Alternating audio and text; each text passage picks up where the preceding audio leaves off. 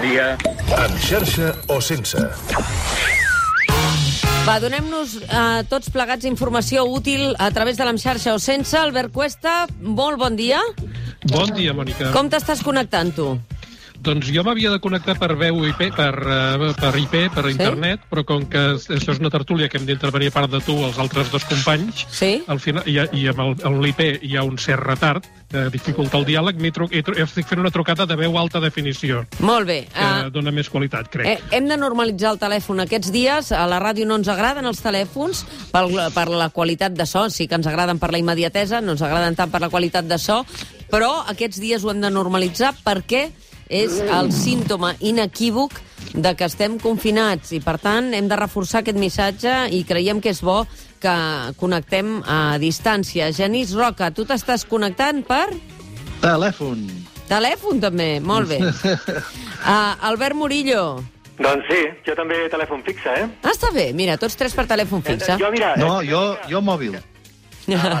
No, no, jo he provat de, de fer un hangout i després Skype. Eh, hi havia molts talls. He fet parar a tots els meus fills que deixessin de jugar eh, via xarxa als seus videojocs, però igualment anava malament, és a dir, que la xarxa deu estar saturada. Envia'ls a fer gimnàs a dalt al terrat o a la terrassa. Ho fem, eh? Cada Això- dia. Molt bé. Això, això que diu l'Albert és veritat, eh? vull dir que fins i tot les, opera les operadores de telefonia eh, han demanat que la gent faci el que ells en diuen un ús responsable dels recursos de xarxa, perquè... Doncs perquè, eh, bueno, doncs perquè el trànsit està pujant molt. Exacte, exacte. Aquesta és una de les qüestions que volia parlar amb vosaltres. No sé si tinc a la Mariola Dinarès, uh, si està preparant el pop-up, si està connectada amb nosaltres, on estàs? Sí, sí, es- estic superconnectada i, i jo amb un codificador d'àudio IP a casa. Sí. Uh, bé, tinc la sort de tenir un mini estudi, però no tenia XDSI ni, ni cap mena de connexió i gràcies a, bé, gràcies a la ràdio, gràcies a Catalunya Ràdio, tinc un codificador de la marca Prodis, um, Quantum, per especificar més, i la veritat és que jo, jo crec que, que, que funciona prou bé, no? Sí, Home, sí, però això, és de, això, que tens tu, això que tens tu és de luxe. No, no. Clar, clar, Això és clar, el que jo tinc previst per quan caigui. Sí, sí, sí. No, Això és el la que veritat... jo tinc a casa per quan caigui jo. I tant, doncs mira, la veritat és que eh, això ens n'estem adonant eh, ara del, de la dificultat que tenim amb les wifis casolanes, no? Perquè és veritat que ara fem una connexió, per exemple, via wifi amb unes quantes persones, un xat, per exemple, d'aquests col·lectius a Instagram, i veus cadascú que té un senyal diferent, no? I ens estem adonant compte que encara tenim eh, dificultats i encara falten que millorin les connexions en general. Exacte. Home, quan, quan vols assegurar la qualitat de la connexió, si em permeteu, eh, és millor tirar de la connexió d'internet del mòbil, que acostuma a ser més estable que la wifi de casa. A veure, Albert, en només tres, tres dies de confinament, les operadores ja han demanat que fem un ús racional i responsable de les xarxes. Sí, eh, perquè diuen... A veure, va, va, ser insòlid, perquè en diumenge les ci- cinc operadores, és a dir, que tenen xarxa pròpia, és a dir, eh, Movistar, Vodafone, Orange, Mas Mòbil i Euskaltel, van fer un comunicat conjunt demanant això a la gent que fes un ús racional i responsable de les xarxes, explicant que el trànsit per internet d'aquests dies ha pujat un 40% respecte al del dia normal, el, de dades, el consum de dades mòbils ha pujat un 25%, el trànsit de WhatsApp s'ha multiplicat per 5 i l'ús de Skype s'ha multiplicat per 4. Llavors, el que deien és, bueno, el que heu de fer és, us recomanem que durant la jornada laboral dediqueu les connexions a, a, a, formació, a ensenyament i a, i a teletreball i que l'streaming i, la, i els consums alts de dades els reserveu per, a partir de les 8 del vespre. Uh -huh. Lo qual, lo qual eh, té unes, és, és, ja, no em deixa de semblar curiós perquè durant la setmana anterior, i em sembla que ho vam comentar dimarts passat, totes les operadores deien que, que estaven promocionant molt i estaven carregant de contingut i oferint accés gratuït als seus propis serveis de vídeo a la carta. Vull dir que probablement el que, els hi ha, el que se n'han adonat és de que potser s'havien passat i que havien estat massa optimistes. A veure, consells que donem, Albert Cuesta, sobre això. Trucades de veu per fixa... Per, Uh, ex per exemple, aquesta, això que, que, Això que deies ara? està fent, el Murillo, no? Sí, sí, l'altre és reservar l'streaming per fora de l'horari laboral i, i una altra cosa que, aviam, això són consells que donen les operadores. El Sí, que jo sí. us dono, per exemple, i relacionat amb el que deia la, la Mariola de les wifi domèstiques, si sou molts usuaris de streaming simultanis a casa, el que potser heu de fer és connectar el, uh, muntar una segona xarxa wifi i connectar cada parell amb una xarxa wifi diferent per repartir el trànsit entre les dues. més coses. Uh, una altra cosa, una digues. altra cosa que està passant aquests dies és que la gent no sé què els hi passa, que ara tothom vol fer Skypes. Coses que abans haguessin pogut ser una trucada telefònica, Mm. Uh, i ja està. Ara la gent tira d'Skype, Perquè la gent es vol activa veure. el vídeo, i em sembla bé, però a mi m'agrada molt veure la gent. Però hi ha moltes coses que abans eren una trucada que ara s'han tornat videoconferència, no? aquests dies, eh? Però a veure, O a Genís, o un per exemple, electrònic. et poso un, un cas. A la Fundació Aura, que és on hi ha altres llocs que estan atenent persones amb, amb, amb diferents capacitats, que estan acostumats a treballar junts, que veure's vol dir eh, segurament eh, intervenir més, no? Estan intentant utilitzar aquestes, aquest tipus de, de, de trucades a través de Skype justament per motivar, no? Perquè si no és molt difícil a vegades motivar la formació online, no? I, i De- suposo de que, totes que maneres- l'Skype és un factor que hi ajuda a les, la, veure's físicament, no? El que passa que en el, en el cas de la ràdio, quan fem servir Skype, és millor sempre que sigui no més de veu, sinó no, no d'imatge, perquè, clar, circulen menys dades i, i, i millora bastant el, el so, no? I Ho estem, ho estem veient a la tele aquests així, dies, tant. no? A la tele aquests dies ho estem veient, que n'hi ha moltes de connexions eh, imatge, lògicament, i veu, i, i la qualitat, doncs, clar, lògicament minva. Les Sí. plataformes estan preparades per donar resposta a la demanda d'aquests dies, Albert? Uh, aviam, uh, unes més que d'altres. Uh, amb els gegants tipus Netflix, per exemple, o Movistar, aquesta mm. gent tenen uh, servidors distribuïts per tot el món i el vídeo que tu veus està adaptat a la teva a, a la resolució del teu dispositiu i, està, i te, te, te l'entreguen des d'un servidor que està el més a prop possible d'on te l'estàs consumint. Mm -hmm. Però n'hi ha d'altres que no, perquè, per exemple, uh, la, la, Berlin, la Filarmònica de Berlín té una plataforma molt xula eh, de, de concerts a la carta i concerts en directe, que es- t'hi pots connectar des de tota mena de dispositius, i l'altre dia van dir que l'obrien gratuïtament durant 30 dies. Mm. I jo ho he notat, perquè jo sóc usuari habitual i normalment no tenia, no tenia talls, i aquests dies s'estan notant talls. I això no és problema de la meva connexió, és mm. problema de que crec que els seus servidors no donen l'abast. Ja. Uh, Albert Murillo, ens volies parlar, estem sentint música clàssica de fons, Sí. de la interessant oferta de la Filarmònica de Berlín. Exacte, és això, és això que deia l'Albert. Eh, ells el que, evidentment, han hagut de tancar la Filarmònica i el que han obert és, és una aplicació digital que es diu Digital Concert Hall. Jo eh, em vaig donar d'alta fa uns mesos i és, de veritat, que és brutal. Eh, tu quan... Eh, en condicions normals, cada dissabte a les set i mitja, a dos quarts de vuit, hi ha un concert, a més, eh, ho fan però és que és a, a dos quarts exacte, eh? és molt alemany això. I fan un concert i tu el podies veure i a banda doncs, podies veure entrevistes, etc etc. Mm. Ara què hem fet? Com que no poden fer concerts en directe, han obert fins a finals de mes aquesta aplicació de forma gratuïta, és a dir, podem recuperar tots els concerts que han anat fent durant aquests mesos. Eh, normalment costa uns 20 euros a, al mes, i ara, si tens sort amb la xarxa, com diu l'Albert, pots veure eh, aquests concerts amb una qualitat HD i sobretot sonora que és espectacular. Um, jo sí, ha estat una manera de, de, de veure la música clàssica de forma diferent i a, i a més molt ben explicada. Una de les coses que, per, per acabar, que m'agrada molt d'aquesta aplicació és que els mateixos músics de la Filarmònica fan les entrevistes. És a dir, eh, són ells mateixos que fan de periodistes i, eh, per exemple, entrevisten el nou director que vindrà aquell cap de setmana a dirigir la seva Filarmònica. A veure, una cosa que estem veient aquests dies a través de la xarxa és la solidaritat eh, que alguns interpretaran com a màrqueting, cuesta, perquè tothom regala coses, streaming, revistes, concursos... Eh, algunes només, de fet, repeteixen ofertes que ja tenien, no? Sí, està bé. O sigui, normalment, amb aquesta, aquesta mena de serveis de consum a, a la, de, de, per subscripció, el, hi ha serveis que et donen uns dies o un mes inicial que no pagues res. I llavors el que estan fent ara és, és tornar a insistir, escolti, apuntis vostè que el primer mes no pagarà res. Però jo crec que la clau per diferenciar què és solidaritat i què és màrqueting és veure si quan t'hi apuntes et demanen igualment la targeta de crèdit o no per començar a cobrar-te quan s'acabi el període gratuït.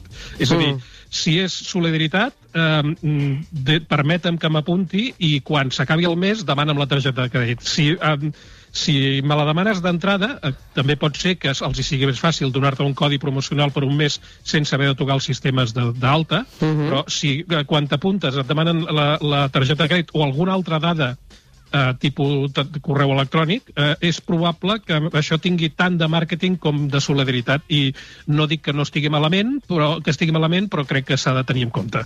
Més coses. A Corea i la Xina han fet servir els mòbils per gestionar l'epidèmia. Ens ho deia avui la consellera Alba Vergés. Ara li comentàvem a Fernando Simón, via preguntes, li preguntaven això dels tests, que dius que no, que havien de ser massius, diu la OMS, que tu no en pots fer. Uh, Alba Vergés parlava d'una aplicació per demanar cita per la prova, geolocalitzar infectats, etc eh, com sempre anem tard. Vull dir, això a Corea i a la Xina ja ho estan fent i si, si us hi fixeu, l'índex de, de mortalitat eh, tant a la Corea com a la Xina respecte al, al total de la població és molt més baix perquè han fet molts més proves perquè s'han organitzat molt millor. Uh, clar, també és cert que parlem, de, per una banda, societats disciplinades i per altres societats autoritàries uh -huh. que si et diuen uh, t'has d'instal·lar aquesta aplicació, te la instal·les i, si, i, i després, si no, no ensenyes el codi uh, quan vas al metro o vas en, una, en un recinte públic, no ensenyes el codi que permet, que els diu que tu pots, tens lliure circulació, doncs t'envien cap a casa i, i cap problema. I això aquí doncs, és més, més aleatori. A Corea del Sud el que feien és una, una, això, una aplicació de cita prèvia via mòbil, però és que, a més a més, abans banda de que tu t'instal·lis o no t'instal·lis una aplicació al mòbil, que això doncs ho pots fer o no, o, o no Um, jo crec que allà estan fent servir una cosa que aquí no s'està fent servir, que és la geolocalització dels mòbils per monitoritzar els fluxos de població. Sabeu que fa uns dies va haver-hi tot aquell, aquell escàndol sobre si eh, la, els, els ciutadans de Madrid s'havien de moure o no, o, no, o no de la seva comunitat, mm. però aquí no hi ha ningú que, esti, que tingui dades reals sobre on estan aquests ciutadans, i això les operadores de telefonia ho poden saber.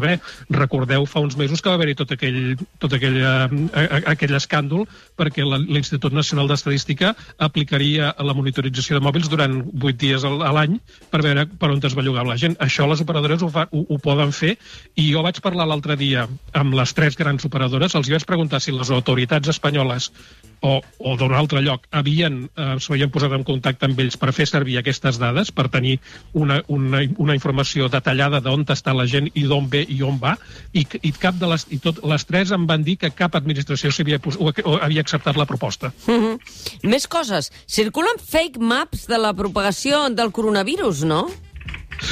Sí, només, ja només ens faltava això. Uh, els que informem sobre això i els que estem interessats sobre com està la propagació del virus al món, uh, tenim com a referència un mapa de la Universitat Johns Hopkins, que és gairebé en temps real, et diu sí. quants infectats sí, hi ha, quants sí. morts, tot això.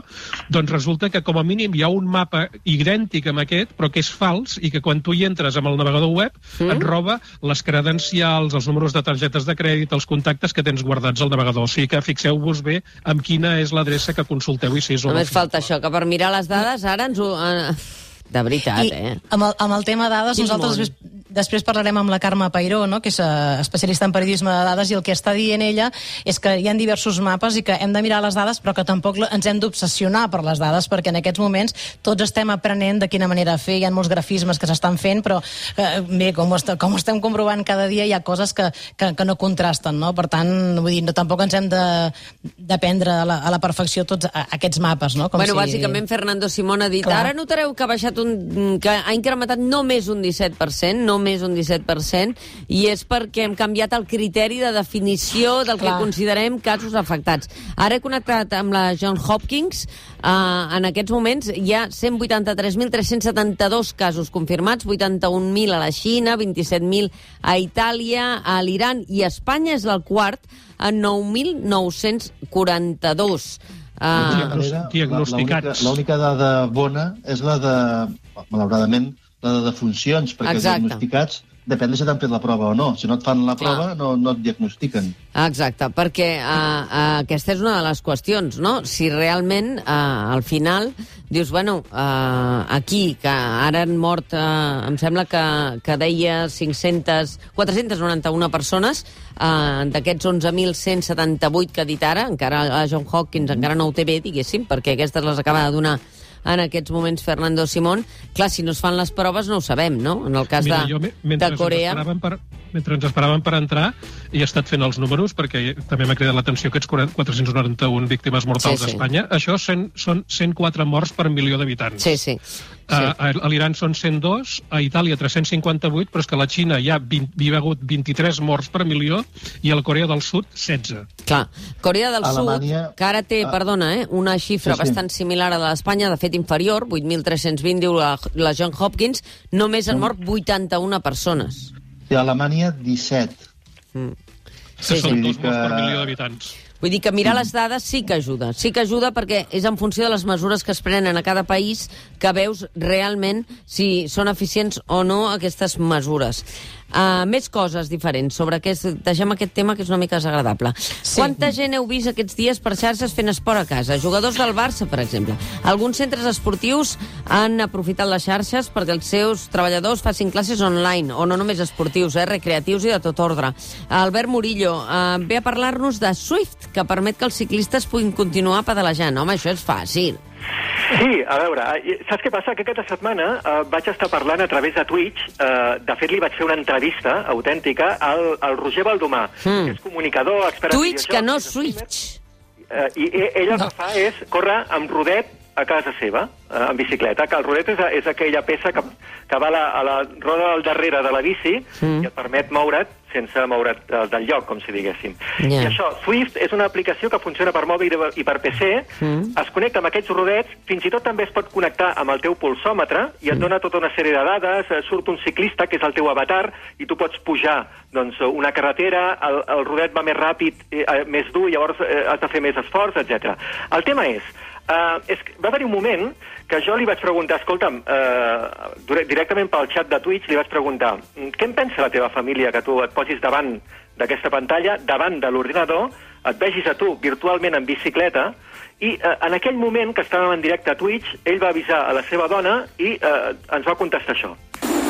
La teva família què et diu quan et veuen sobre la bici? Mira, els hi preguntarem. Família, Lola Molona, que pots pujar un moment? Tenim aquí a, el director del Generació Digital en directe, Albert Murillo, que ens pregunta, diu, la teva família, què et diu quan et veuen sobre la bici? Bueno, primer que pensava que era un friki, però com que li apassiona tant i a mi el tema de que surti en bici a fer carretera em fa por, doncs ja m'està bé. Almenys el tinc a casa i sé que aquí dalt no corre perill. Bueno, veus? Eh, sí, sí, ell durant una hora li vaig estar preguntant i ell fent, estava corrent com si estigués a, jo què sé, a la Fuixarda, a Montjuïc, no sé, estava eh, suant, saps? I, I durant una hora vam estar comentant la jugada i em va agradar molt. Jo, de, de fet, després, que passi tot, em compraré un rodet, ara no ho faré perquè no vull que ningú d'Amazon i ningú t'emporti res a casa, mm. però, hosti, m'han agafat ganes, eh? I, Genís... Jo, jo, jo, jo hauria de comprar el rodet i la bicicleta. Ah, sí. Genís, consells per sí. poder teletreballar el més còmodament possible, va. Sí, perquè aquests dies tothom està fent això de teletreballar des de casa i hi ha algunes consideracions que val la pena fer. Mira, uh, hi ha una usuària de Twitter que es diu Clap for Marta, que va fer un fil a Twitter amb bons consells uh, que ella, basats en la seva pròpia experiència, ella diu que porta sis anys teletreballant a casa, mm. i va fer un, com una mena de decàleg 10 consells que són molt recomanables. Repassem-los molt ràpid. Primera, és molt temptador, però no treballeu en pijama. Aneu en roba còmoda, però no us però quan aneu a dormir, que sigui una roba diferent de la que heu fet servir durant el dia, perquè es, es, et vas deteriorant i aquestes coses, com que no et veu ningú, et relaxes i pots tirar-ho endavant. Segona, no treballis a la mateixa habitació on t'adorms. No, això Treballa és important. En, treballa en una altra habitació. Si és, que pots. El... si és que si pots. És que pots. Si és que pots, però si quan acabes el teu horari de treball, surt d'allà i tanca la porta. Uh mhm. -huh. Mentalment tingues un espai on vas a treballar i tingues un espai on surts a treballar, sí, sí. si pots, clar. Si pots, perquè potser tens un apartament d'aquests que tot està en un mateix espai, no pots, però vaja. No pots, però bueno, pues, si vols fes un racó, aquest racó d'aquí treballo i quan vaig a un altre racó no estic treballant. Mm. Acá que sembla una tonteria o un comentari molt estrany, dutxeu-vos cada dia. Imprescindible. Uh, Oi que ho fem per sortir, doncs també ho fem per estar a casa, no? Encara que estiguem a casa. Marqueu-vos un horari, el que vulgueu, però sigueu estrictes. És molt important, perquè si no acabareu treballant més al compte, acabareu treballant contínuament, i això serà llarg, vull dir que no, no seria sostenible. Mm. Pareu, pareu per fer un cafè o el que sigui, però pareu per, per vosaltres, per cuidar-vos. No pareu per posar la rentadora, per fer el llit o per fregar els plats, sinó per fer un cafè i badar. Ja, ja. No s'hi val fer un cafè mentre segueixes treballant. Tampoc s'hi val menjar o beure davant l'ordinador. Sembla un consell fàcil, però aquest és un dels consells que més us costarà de seguir. Mm. Quan estigueu treballant, treballeu, i quan pareu, pareu. Però no intenteu fer de la, la, la superpersona que ho pot fer tota la vegada. Sortiu, o sigui, tu ets disciplinat, mínim... Genís? Jo estic aprenent molt i prenent bona no, nota d'aquests consells. No, perquè a casa, perquè... a casa eh, no sé si us passa a vosaltres, eh? I suposo que la Mariola també li, li deu passar aquests dies que està molt treballant des de casa, que et distreus amb coses pràctiques, no? Has de posar una rentadora, no sé què, tal, no sé quantos. Vas fent coses i vas treballant i vas... no? No us passa? Però... A, més, a més és que em passa que fer coses de casa em relaxen la ment en aquests moments, perquè esti, és com tenim una olla a pressió al cap, que no crec que ens passi només a nosaltres, sinó que jo pel que veig, o sigui, la gent està entrant fent directes per tot arreu, a qualsevol hora, o sigui, a més a més, fas qualsevol cosa per xarxes, tens una repercussió brutal, per tant, està tothom als mòbils, la gent està enganxada moltíssim a les això pantalles. Sí que, això sí que seria una cosa a fer, deixar el mòbil durant una estona, perquè estem embogint, eh? No, no, no, és, és, és veritat. Nosaltres, per exemple, al pop-up, si tenim temps, perquè hi ha moltes rodes de premsa ara a la una, però eh, volem parlar amb l'Anna Lombard, que és l'autora d'un llibre que es diu Estrès positiu, i ens donarà una mica d'eines de, de com baixar una mica aquesta, aquest xup-xup que tenim al cervell en aquests moments i, i una mica intentar baixar en un dia on és el dia de, de la poesia a internet, de la poesia catalana a internet, i estem intentant que algú faci algun vers, a veure si ens doncs, surt. Em sembla que el vers el tindràs en forma sí. de roda de premsa de mesures sí. econòmiques per part del govern de Catalunya, que ha de fer això roda de premsa això, eh? d'aquí a exactament mitja hora, i també tens Consell de Ministres no sé quina hora, per tant, mm. fes-ho ràpid. No. però és important això de la, això ja fa dies que estàvem esperant, no? Que, que diguin què passa bàsic. amb la gent i les bàsic, feines, no? O sigui, bàsic. anem tard també amb això. Bàsic, bàsic. Més consells, a Genís. Sí, potser no li digueu a, a si esteu tenint a un client per telèfon o per Skype o que sigui, si potser eviteu comentaris del tipus eh, estic a casa o així, perquè això ara tothom està a casa, se sap, però en general els que teletreballeu, mm. no digueu que esteu a casa, eh, mm. eh, perquè acabareu rebent trucades els divendres a les 10 del vespre. Clar. Perquè no. encara que sigui a casa, aquest matent igualment. No, no, eh, teniu un horari de treball, intenteu seguir el vostre horari de treball, i quan arribi el cap de setmana, sí. prohibit entrar a l'habitació, si és que tenen habitació, ja ho hem dit, on treballes. Sí, no s'hi entra ni per netejar. Sí, sí, ja t'ho diré. Això venti el mòbil ja bueno. és impossible. Bueno. bueno. Val d'acord, molt bé. Això depèn de si has de complir un horari, si, si el que fas és complir un horari d'una empresa. Els, els autònoms, Albert, els autònoms ja, ja saps que, que fem, fem de tot. Espero que el meu equip no, no estigui sentint tot això que estàs dient. ah, sí. I el darrer consell que dones? A, a, atureu de tant en tant i dediqueu-vos temps per trucar a algú, trucar a un amic, una amiga i xerrar-hi una estona. No val WhatsApp, Uh, cuideu els amics, cuideu a la família, cuideu a la gent que estimeu i dediqueu-los estones de qualitat. Sí, perquè la veritat és que sentir-vos, encara que sigui a distància avui, uh, ajuda, ajuda perquè, perquè realment aquí estem molt poca gent a l'emissora aquests dies i, i, i senyora molt el terrabastall que normalment hi ha aquí fora, l'estudi, la gent amunt i avall, etc etc. Eh, en aquest sentit, Mònica, eh, només eh, donar-vos les gràcies a tots els que sou ara en aquests moments, a tu, a la gent que està a l'estudi, a la gent que està eh, doncs, als llocs per, perquè, perquè això soni. Se'n Se'ns han... Control central, se sobretot. Se, I tant, control central. Que avui estan fent una feinada terrible. Escolta, us he de deixar perquè tinc a, a la Mar, a, a la Marina Romero, que té novetats. Una abraçada. Adéu. Adéu.